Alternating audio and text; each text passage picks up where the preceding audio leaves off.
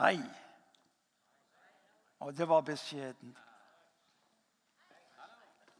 Dere har stått opp, men er dere våkne? Ja, det er bra. Peter og Monica, Ole Martin er, ja, men De tre første der, det mer eller mindre kommer fra Norge. og ja, Du er ikke riktig fra Norge, da, Peter, men Men det gjør inntrykk på meg. Gjør det ikke det med dere? Jeg har solgt huset. Jeg har solgt huset fordi nå skal reise ut. Ikke til London eller Paris eller Wien eller Vest-Timor. Kjenn etter på det navnet Vest-Timor. Det er langt vekke. Det er langt vekke. Jeg kjenner historien til Ole Martin. Jeg gjorde et dypt inntrykk på meg da han valgte å handle på det som Gud kalte han til å gjøre. Og leide opp gatebarn i Phnom Penh for at de skulle erfare en annen virkelighet.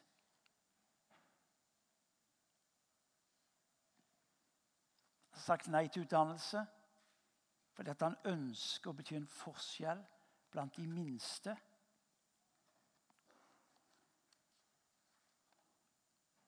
Phnom Penh, Siem Repp, Vest-Timor. Nå i formiddag så er det langt noe mer enn geografi. Det er historie som skapes ved at mennesker velger å våge å bety en forskjell.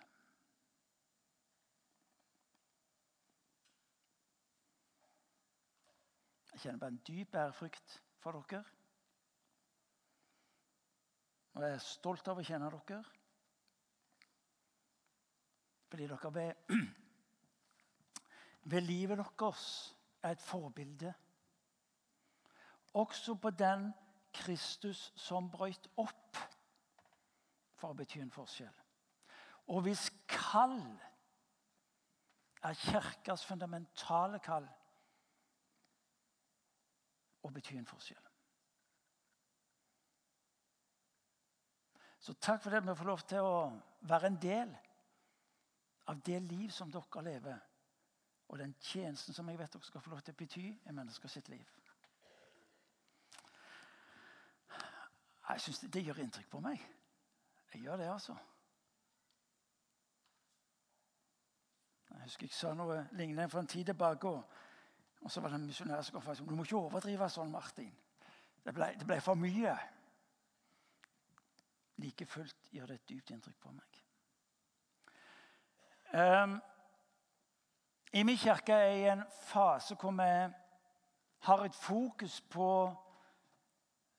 Det blir litt feil å, å snakke isolert om helbredelse, men det er faktisk temaet.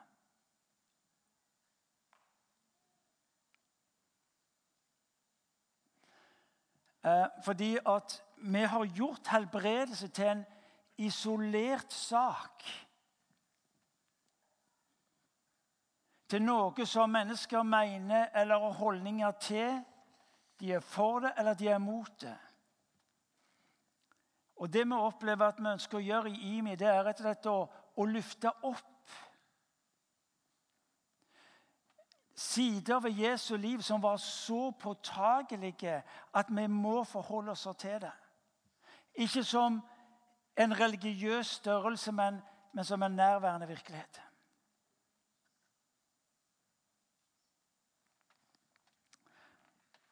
Når du tenker Jesus, hva tenker du da?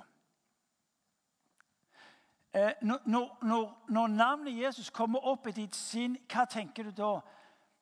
Hva ord er det som kommer til deg? Hva er det du eh, med en gang blir bevisst på? Selvsagt avhengig av hvor du er i livet. Men når du, når du skal tenke, hva er det du tenker på? Ta ti sekunder.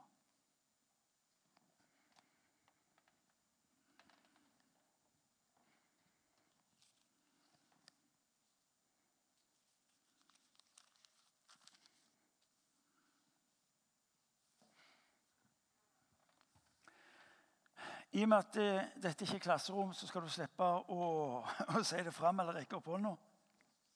Men vi skal starte eh, gudstjenesten med å lese fra Matteus 11 om en mann som var kommet i tvil om hele greia. Det er om døperen Johannes som er i slekt med Jesus, og som har hørt ryktene om han og som en dag i den posisjon hvor han får være så nær at utsendelsen av Jesus skjer der hvor han er. Men nå er han i tvil. Tvil om hele greia. Han er i fengsel, leser vi. Det er kaos, tvilen, uroen. Problemer, store problemer. Og han har behov for Han har behov for å kunne få lov til å stille spørsmål. Og Vi leser fra kapittel 11, vers 2. I fengselet fikk Johannes høre om alt Kristus gjorde. Han sendte bud med disiplene sine og spurte er du den som skal komme, eller skal vi vente en annen. Jesus svarte dem, gå og fortell Johannes hva dere hører og ser. Blinde ser, lamme går, spedalske renses og døve hører. Døde, døde står opp, og evangeliet forkynnes for de fattige. Og salig er den som ikke vender seg bort ifra meg. Jesus var overrasket. Johannes eh, blir fortalt noe som han ikke forventa å høre. Blinde ser Johannes. Er du den som skal komme? Lamme går, Johannes. Ja, men hør nå, Er du den som skal komme? Spedalske renses. Og så, og så er det en presentasjon om ting som skjer. Det er nesten som du hører at Johannes, når du hører ordene om hva som skjer, om hva dine disipler hører og ser skje, så relater det til det du hører om meg, Johannes. Husk hva du har hørt ifra det profetiske ord, Johannes. For det Jesus egentlig gjør, det at han setter navn på det profetiske som var beskrivelsen av Messias, den salvede, når han skulle komme. Du leser om det i Jesajas kapittel 29, vers 18. Om de blinde som skulle se, om de lamme som skulle gå. Det gjentas i kapittel 35, vers 5, hvor profetordet, hvor framtidsbildene om denne Jesus, om denne Messias, mener jeg, skulle kjennetegnes. Vårt fokus disse to månedene er helbredelse.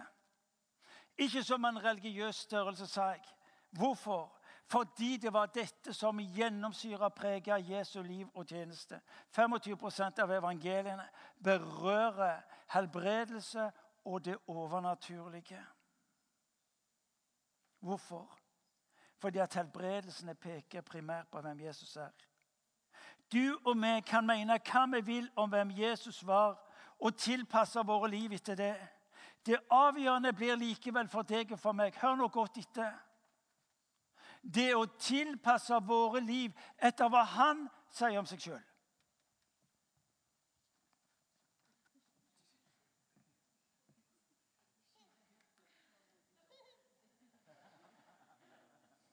Det er kult. Det er litt langt å hoppe der, altså.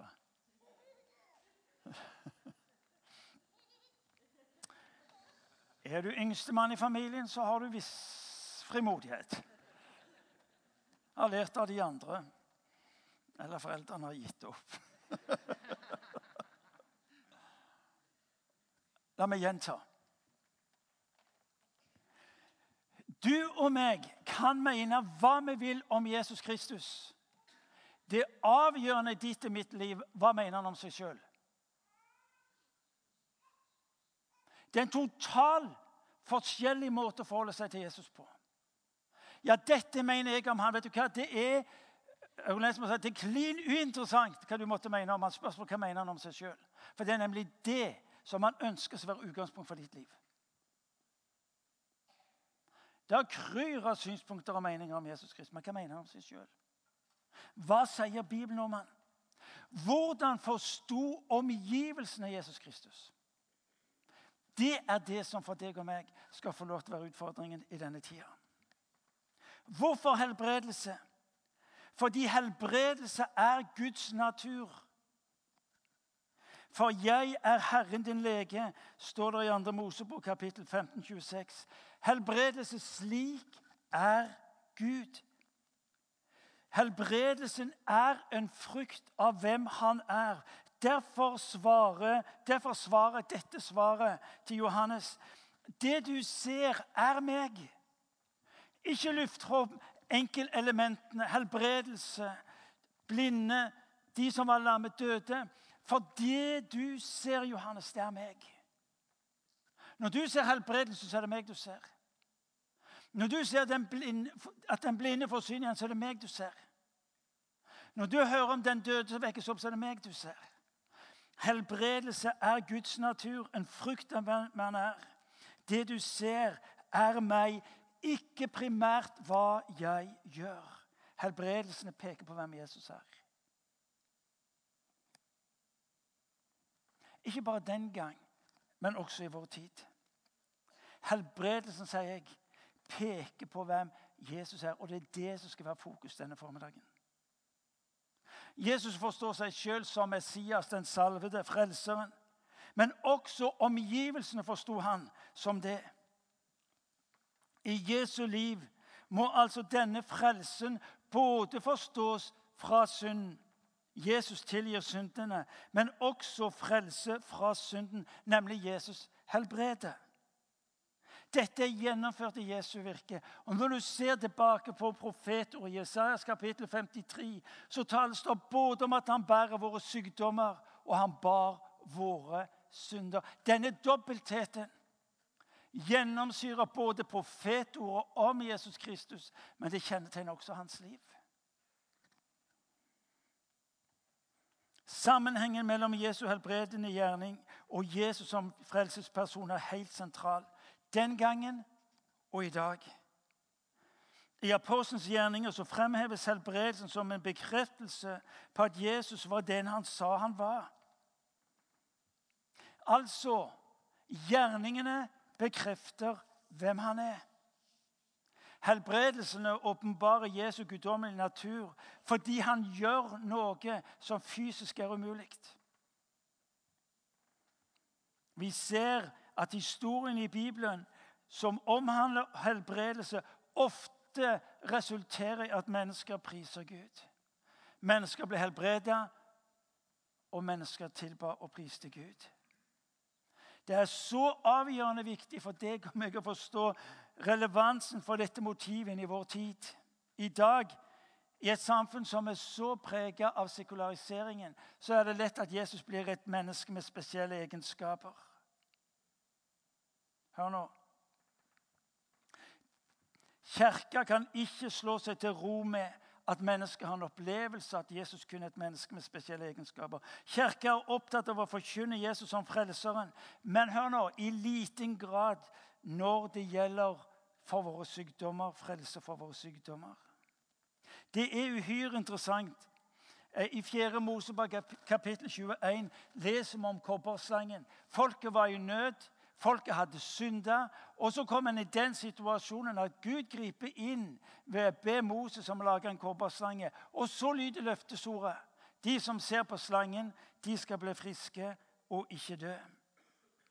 Det som er det interessante, det er at i Johannes evangeliet kapittel 3 får Jesus besøk av Nikodemus, en av de lærde på datiden. Han eh, eh, forteller og bringer inn eh, den historiske, eller Jesus bringer inn den historiske hendelsen med israelsfolket og kobberslangen, som jo egentlig er et vitnesbyrd om helbredelse. Få tak i dette. Kobberslangen er i sitt vesen helbredelse. Fordi de var dødssyke og ble helbredet. var at de så på slangen. Hør nå. Det berga de livet, og frelsen var et faktum. Og Det interessante er med Nikodemus når han kommer til Jesus, så sier han Hør nå. Det, det du lærer, det er interessant. Men det er tegnene som er vitnesbyrd om at Gud er med deg. Altså, en gang til. Jesus underviser. Folket skjønner at denne mannen har visdom, innsikt og kunnskap som er spesiell. Men det er tegnene på ditt liv som forteller at Gud er med deg. Altså, Nikodemus som tilskuer og lever i Jesus samtidig, han skjønner at denne mannen som formidler og kommuniserer på denne måten, og samtidig utfører disse gjerningene Gud er nødt til å være med ham. Og Det er dette bildet som sakte, men sikkert vokser fram blant menneskene i Jesus samtid. For å forstå frelsesmotivet ved helbredelse så må også Bibelens la oss bruke det fine ordet, holistiske menneskesyn tas på alvor.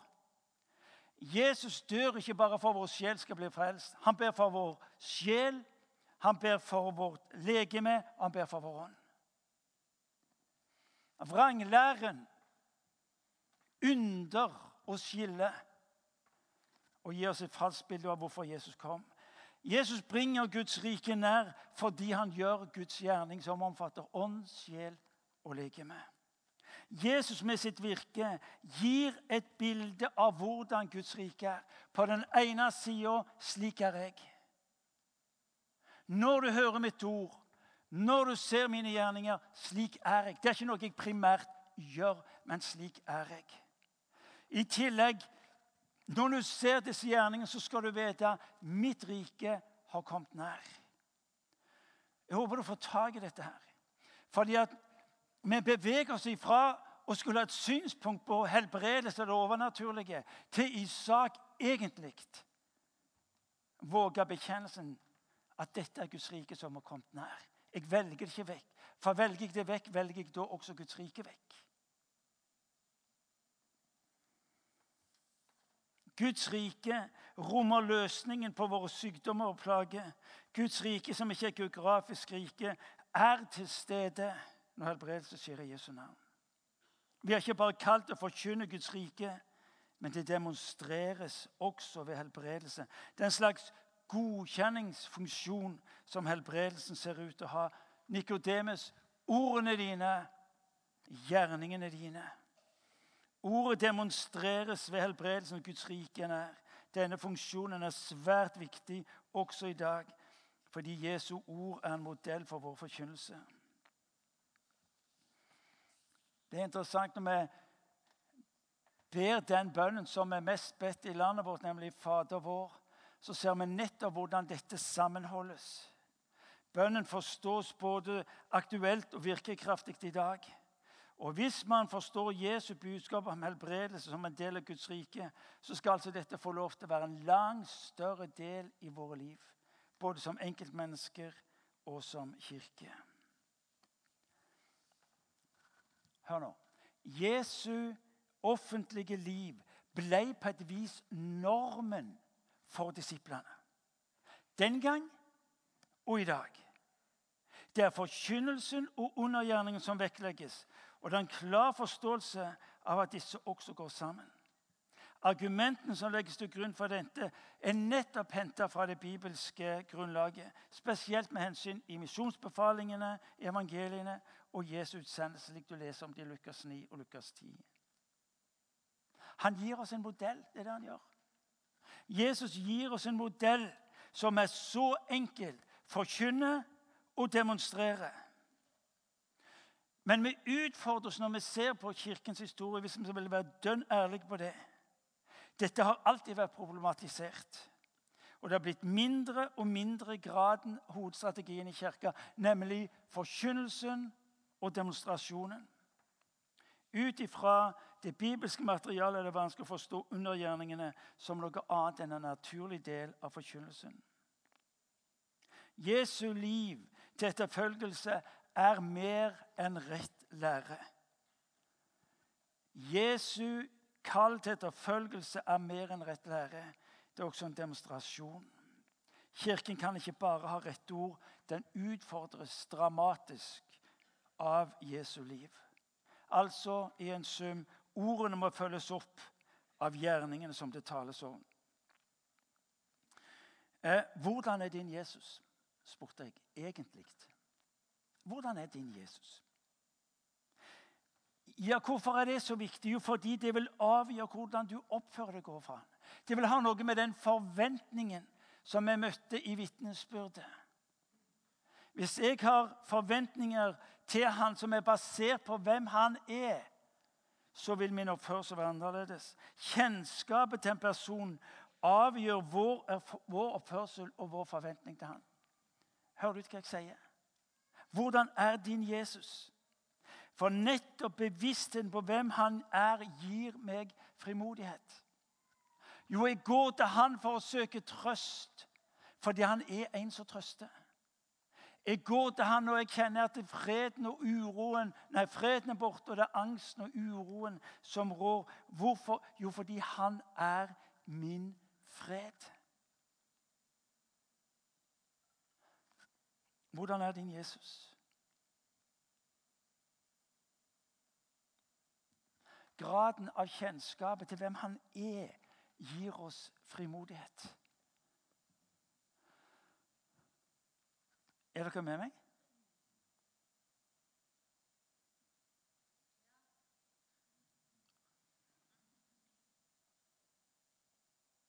Det er en dramatisk forskjell. Er din Jesus sånn, så er din forventning i henhold til det. Hvis din forventning til Jesus er der, så er det det som vil være din forventning til han.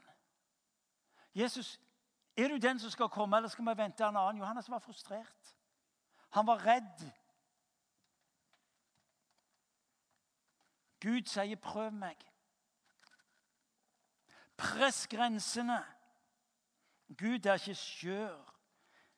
Må vi forandre bildene som du og meg har av Gud? I Markus evangeliet så leser vi kapittel 6, når Jesus kom til sin samtid, så Han kunne ikke gjøre noe. Vet du hvorfor? Fordi bildet av han var sånn. Bildene av hvem Jesus var, var pressa inn i form. Sånn var han. Og i det øyeblikket han ikke passa inn i formen, så avviste de han. Din og min største utfordring det er at vi pakker vår Herre inn i vår form og så er vi sånn han. Og Hvis han ikke er i denne formen, så er det jeg er urolig for det. Jeg er bekymra for det. Det er så mye bekymring i norsk kirkeliv at det, det fortviler. Fordi han ikke passer inn. Jesus, er du den som skal komme, eller skal vi vente en annen? Er det derfor så mange egentlig velger Gud vekk? Fordi det er så lite ved denne pakken som vi har som tiltaler. Teoretisk kunnskap skaper ingenting, lite endringer. Gjennom tre år ga Jesus de ord som var sammenholdt med livet og den erfaringen som han ga dem. Du lærer mer av Jesus ved å erfare sammen med Jesus. Hvordan er din Jesus?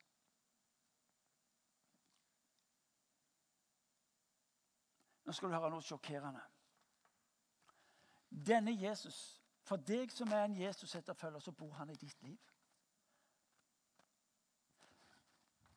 Hør nå godt etter hva jeg sier. Han bor ikke i ditt liv som utgaven som du har komprimert. Han bor i ditt liv som den Jesus Kristus han selv bekjenner seg å være. Han er ikke den Kristus som, som du forsøker å handle. Han er som Messias, som Guds sønn, allmaktens Gud. Han er i ditt liv. Like it or not. Kan du se på det og si Wow! Er det, er det sånn?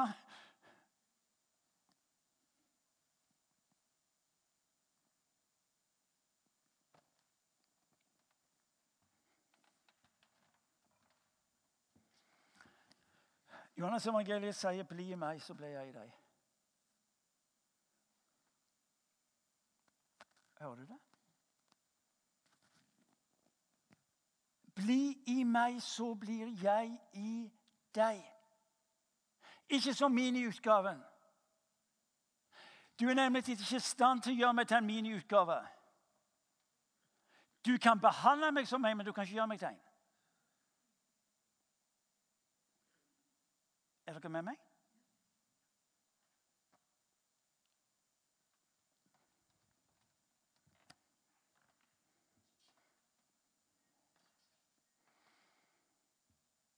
Med hele seg.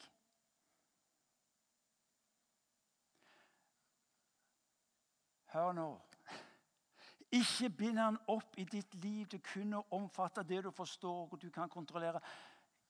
Er du den som skal komme? Jesus, er du den du sier deg å være? Johannes' spørsmål. 1. Johannes brev, kapittel 4, vers 17, sier Johannes, for, slik som han, for vi er slik som han er i denne verden. Bibelen rekker deg et liv som er unikt, umulig og annerledes. Ikke reduser denne Jesus til noe du, ikke, til noe du skal kontrollere. Hør nå. Det er så lite, lite interessant for de som ikke kjenner han. Mennesker er ikke interessert i en Gud som du kontrollerer. Mennesker er ikke opptatt med en Gud som du har putta inn forbi dine rammer. Mennesker vil være interessert i en Gud som er annerledes. Derfor gikk ryktet om han. Ordene hans var fantastiske, men ryktene om hva han gjorde, de sprang formelig talt utover Judea og Samaria. Og så kom de. Ja, var det en slags PR-show? Nei, det var ikke det. Men virkningen av Jesu gjerninger drog mennesker til han. Jeg er ikke sikker på at mennesker har sagt nei til Gud. De vet bare ikke hvor de skal finne han. Jeg er ikke sikker på at Gud, mennesker har sagt nei til ikke vil ha noe med denne Jesus Kristus å gjøre. De finner bare ikke. De ser han ikke. De har mye ord om han. Er du den som skal komme, eller skal vi vente på en annen? Ok, vi får begynne og slutte, som de sier. Hvordan får vi da et rett eller korrigert forhold til Jesus Kristus? Utgangspunktet er veldig enkelt. Hva sier Bibelen? Hva sier Bibelen? Ditt forhold til Bibelen sier hvem du tror på, nemlig Jesus Kristus. Ditt forhold til Bibelen vil også avgjøre ditt forhold til helbredelse. Men til tro og praksis ut ifra Bibelens ord, som igjen blir vår praksis og vår fornya tro. Troen fødes og næres når Guds ord og erfaring får åpenbare nye sider av Jesus. Hvis ikke Hør nå, Hvis ikke ville Jesus bare bli et produkt av tradisjon, egne tanker og erfaringer.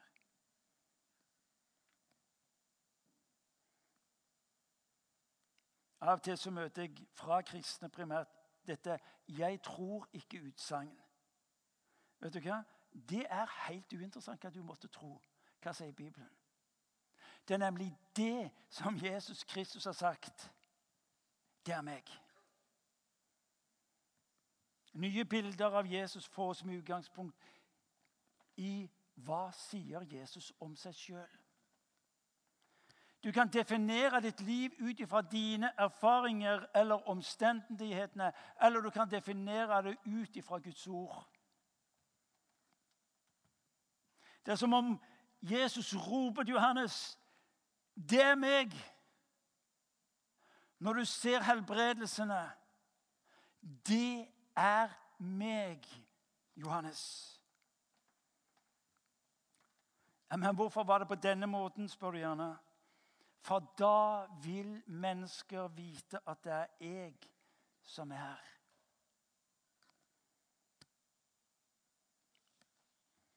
Som kristne kan vi ikke velge bort helbredelsen som en del av våre liv. Som en del av menigheten sitt liv. Helbredelsen følger Jesus. Ikke som ekstraordinært, men slik som han er. Vi opererer med helbredelse som ekstraordinært og overnaturlig. Det er bare fordi vi ikke vet bedre. For Jesus var det ordinært. Dette er meg. Hvorfor det overnaturlige, som jeg sier? Fordi Gud er det. Den er en del av pakken som Guds rike representerer inn i vår tid. Dersom du og meg vil være Jesus' etterfølgere, så blir helbredelsen sentral i dette. Det var som ei sa til meg Vi er som små Jesuser. Jesus. Du er en liten sånn en Jesus fordi han bor i deg med hele seg. Forkynnelsen om Jesus Kristus er ikke fullstendig, om vi utelater det overnaturlige som en del av hans liv. Ta, dette, dette, er så viktig, fordi det omhandler ikke primært hva du får ifra ham, men hvem han er. Jesus ber om å bli identifisert med hva mennesker hører og ser. Undergjerningene, helbredelsene og forkynnelsen. Kanskje sitter du der og så tenker du, ja, men hør Martin, hva med de som ikke blir helbredet? Det er en vanskelig sak. Jeg husker at jeg eh, for en tid, dette har jeg sagt før, jeg husker for en tid tilbake leste en spørreundersøkelse i VG, sånn, såkalt ankese det heter. Og Så var det spørsmål om, om, om, hvor Gud var det i forbindelse som en tragisk ulykke. så var det spørsmål hvor, hvor var Gud da dette hendte. Fire var vestlige europeere, og én var asiater. Og De fire stilte spørsmål med Guds eksistens pga. det som skjedde. Asiaterne sa takk Gud fordi at han er i dette nå. Hvis, helbredelsen blir en isolert sak, løsrevet fra relasjonen med Jesus Kristus, blir det brutalt.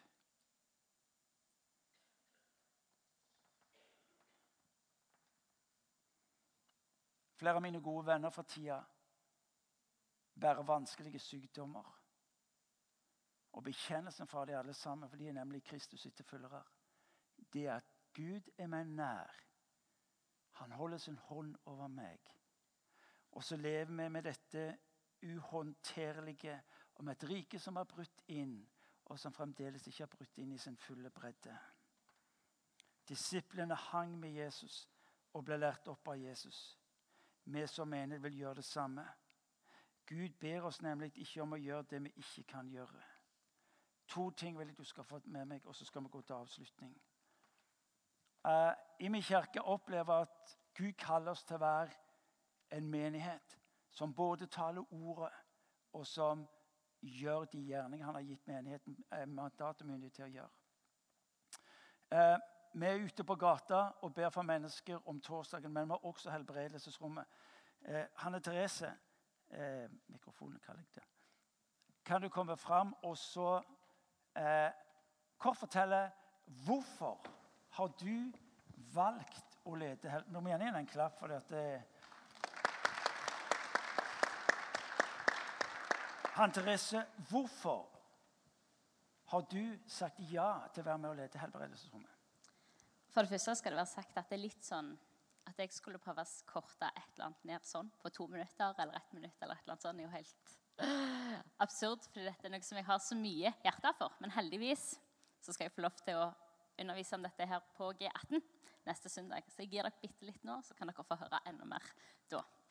Men helbredelsesrommet Først og fremst fordi jeg er 150% sikker på at Gud helbreder. Selv om jeg lever i spennet som herr Cave sier, om at ikke alle blir helbreda, så er jeg 100% sikker på at Gud helbreder, han vil helbrede, han kan helbrede. Eh, og at han har sagt at alle vi som er kristne, eh, skal få lov til å stå i det samme. Eh, så når en da møter mennesker som er syke, så er det helt naturlig å kunne si at jeg tror, jeg, tror, på han, jeg tilhører han som er legenes lege. Eh, og det å kunne ha et sted å invitere folk til som helbredelsesrommet, invitere hvor du møter folk som er kjempesyke. Om det er psykisk sykdom, om det er kreft, om det er folk som har mista hørselen eller syn eller Det er bare all slags, all slags sykdommer som, eh, som, folk kommer inn der med. Og si at jeg tror på han som kan helbrede dette her. Han som eh, ja, um, han som kan, han som har gjort det før, og han som vil gjøre det igjen. Eh, så det er bare et privilegium å få lov til å stå i. En er litt ydmyk fordi en står i det, for en vet at det er 100% Gud som er nødt til å gjøre det. Jeg kan ikke helbrede noen, men Gud kan. Eh, så det var vanvittig flott å få lov til å ha tilbudet til å faktisk kunne gjøre det. At Gud kan. På et vis er helbredelsesrommet i det som er smertefullt og vanskelig når livet er krevende, så er helbredelsesrommet et sted hvor mennesker vet at her, her, her, Jesus, her er Jesus. Her er Jesus. Og for min egen del å kunne komme inn der og bare være der, er, er jo en fornyelse i seg sjøl. Fordi du møter primært denne Jesus. Eh, dere hadde helbredelsesrom i går. Skjedde det noe? Ja, det skjedde definitivt noe i går. Vi hadde eh, ei som kom inn som hadde mye smerter i ansiktet og press rundt øynene eh, som de ba for, og som opplevde at du ble mellom 70 og 80 bedre eh, og mye lettere. Vi hadde en av de som var med sjøl som forbeder, som hadde mye smerter i hofta når hun kom. Eh, som vi òg ba for før det hele begynte, eh, og som òg ble mellom 70 og 80 bedre.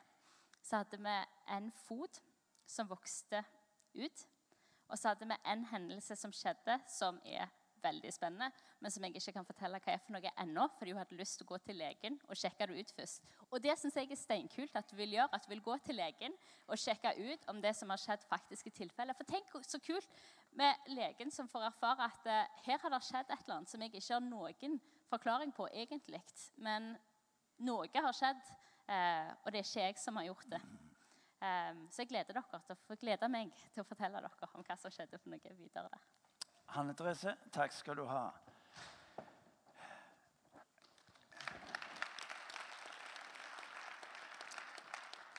Hør nå, En god investering for ditt liv er altså helbredelsesrommet. Det, vi vinner ikke alle kampene, men vi vil feire de kampene som vi ser at vi vinner. Terje, du hadde en, en opplevelse da du var ute på tur. Det går helt tilbake til um, høsten 2008. Da er jeg midt inne i en veldig situasjon i forhold til tvil. Jeg er på møteserie på Finnøy.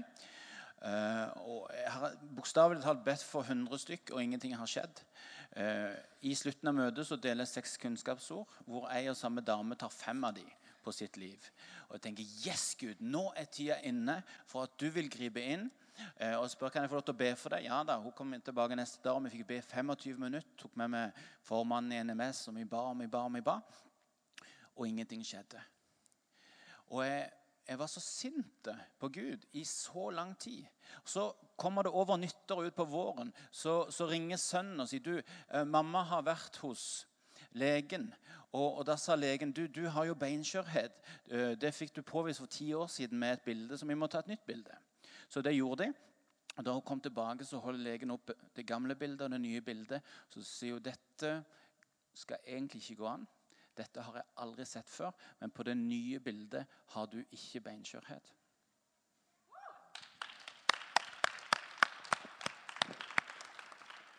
Og jeg overdriver ikke når jeg sier at vi har mange slike vitnesbyrd. Så noen av disse kampene, hvis du forstår meg billig talt, de vinner det. Det er fremdeles en del av de andre kampene vi taper. Men et lag slutter ikke å spille fordi om de taper kamper. De fortsetter. Og Det er derfor vi ønsker at du og vi skal få et forhold til denne Kristus. Som ikke bare gjør ting, men som er inni våre liv. Ehm, for jeg er Herren din lege. Kan vi reise oss, og så vil vi be.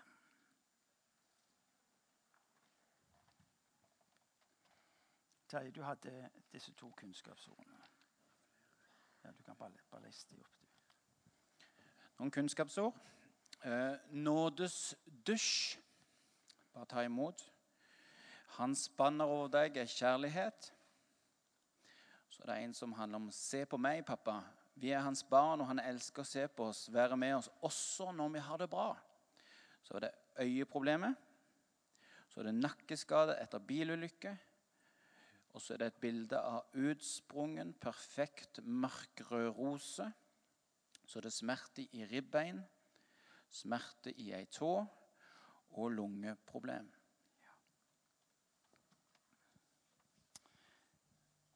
Jeg tror vi skal fortsette å gjøre det som Terje tok oss inn i under forbønnen. Du som, du som er syk, og som gjenkjenner dette på ditt liv, kan jeg, kan jeg bare be deg om å legge hånda der? Og du som er syk for andre ting, av sykdom, bare du legger hånda på det syke stedet, og så vil vi fortsette å be til Gud om sitt nærvær og sin nåde imot oss. La oss be. Herre Jesus Kristus, du er her som den som er vår lege. Herre, vi takker deg fordi at eh, det er din natur. Herre, jeg takker deg fordi du er mellom oss som den som er summen, Herre, av alle våre behov. Takk fordi du går til den enkelte nå. I ditt navn, Herre Jesus Kristus, ber vi om helbredelse. Vi ber om at du som er legen, skal berøre enkelte mennesker som nå står i salen. Kom, Hellige Ånd. Vi ber om at du skal sette fri fra sykdom, fra sykdommens makt. Herre, vi ber Gud om at du, som er livets Gud, skal fordrive det som er av død, Herre, som mennesker bærer på i sitt liv i dag.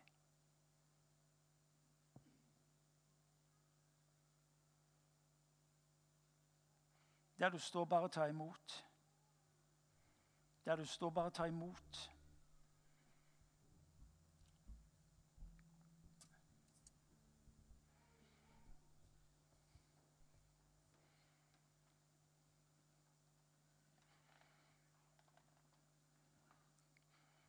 Kom, Hellige Ånd. Bare prise ditt navn. Jeg takker deg, Jesus. Takker deg fordi du er mellom oss som den som er livets Gud. Forløs i enkelte menneskers liv nå. den helbredelse, Herre Jesus, som kommer med deg. Det overnaturlige liv som kommer med deg. Ditt navn, Jesus, takker vi og ber vi. Amen.